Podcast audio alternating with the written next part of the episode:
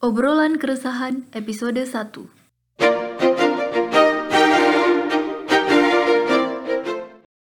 Sore itu langit tak sebiru hati Nurul. Ia tampak resah, lebih resah dari bayar UKT di semester akhir. Entah apa yang merasukinya. Karena mulai resah dengan masalahnya, ia memutuskan untuk curhat ke salah satu seniornya, Kak Fitra.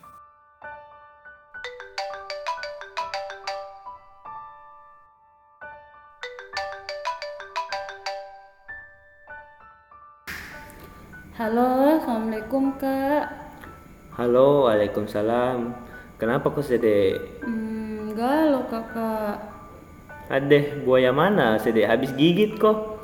hmm, Bukan buaya ya, tapi lebih ngeri dari buaya Wih, apa itu? Sini cerita sama kakak. Eh, Ini kak, kita tahu Irma toh Sekarang sering sekali Metawa ikut lomba nulis dan selalu juara Hmm, dari dulu gitu ya sih.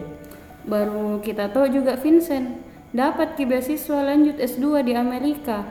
Ical sekarang magang ki di UNESCO. Nadira dapat tawaran kerja di Prancis. Sedangkan saya kok dong masih begini-begini terus ya.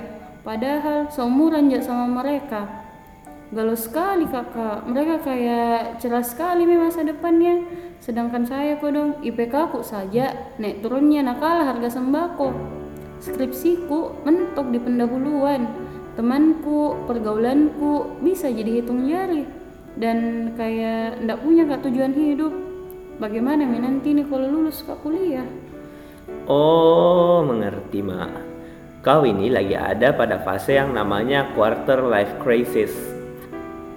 Quarter apa? Bicara masa depan kak ini kak, bukan pertandingan olahraga. Bukan.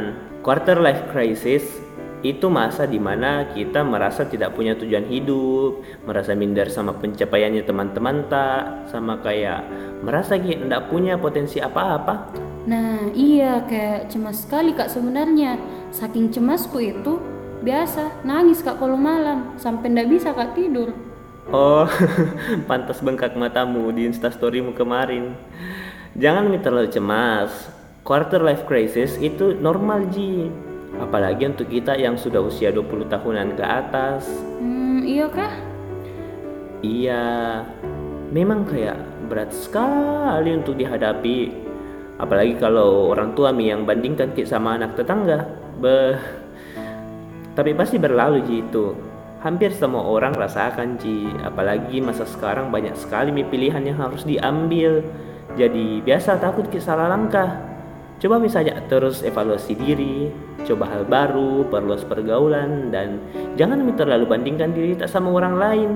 Buah saja, biar di pohon yang sama, tak bersamaan ji matang. Jadi harus kayak evaluasi diriku deh. Mau kak ini sebenarnya asas skill desain grafisku, tapi lama sekali mak belajar.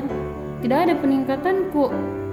Berarti harus kak lebih giat lagi nih latihan deh. Nah iya, kalau memang lama minta ada peningkatan, mending mundur, putar balik. Tentukan minda sekarang, untuk bisa maju kalau berhadapan dengan jalan buntu ya harus putar balik dan cari potensi lain, bukan malah putus asa dan menyerah. Hmm, salut. Terima kasih sarannya kak. Bisa maki jadi motivator ini. BTW, sering juga dibanding-bandingkan sama anak tetangga kah? Sejak itu Nurul pun hidup seperti biasa lagi. Terima kasih Sobat Iden yang sudah mendengarkan bacotan mereka. Memang sedih dibanding-bandingkan sama anak tetangga, tapi lebih sedih lagi karena harus berpisah dengan pendengar. Nantikan terus obrolan keresahan di podcast Identitas. Obrolan keresahan, gak apa-apa ngeluh, yang penting tepat sasaran.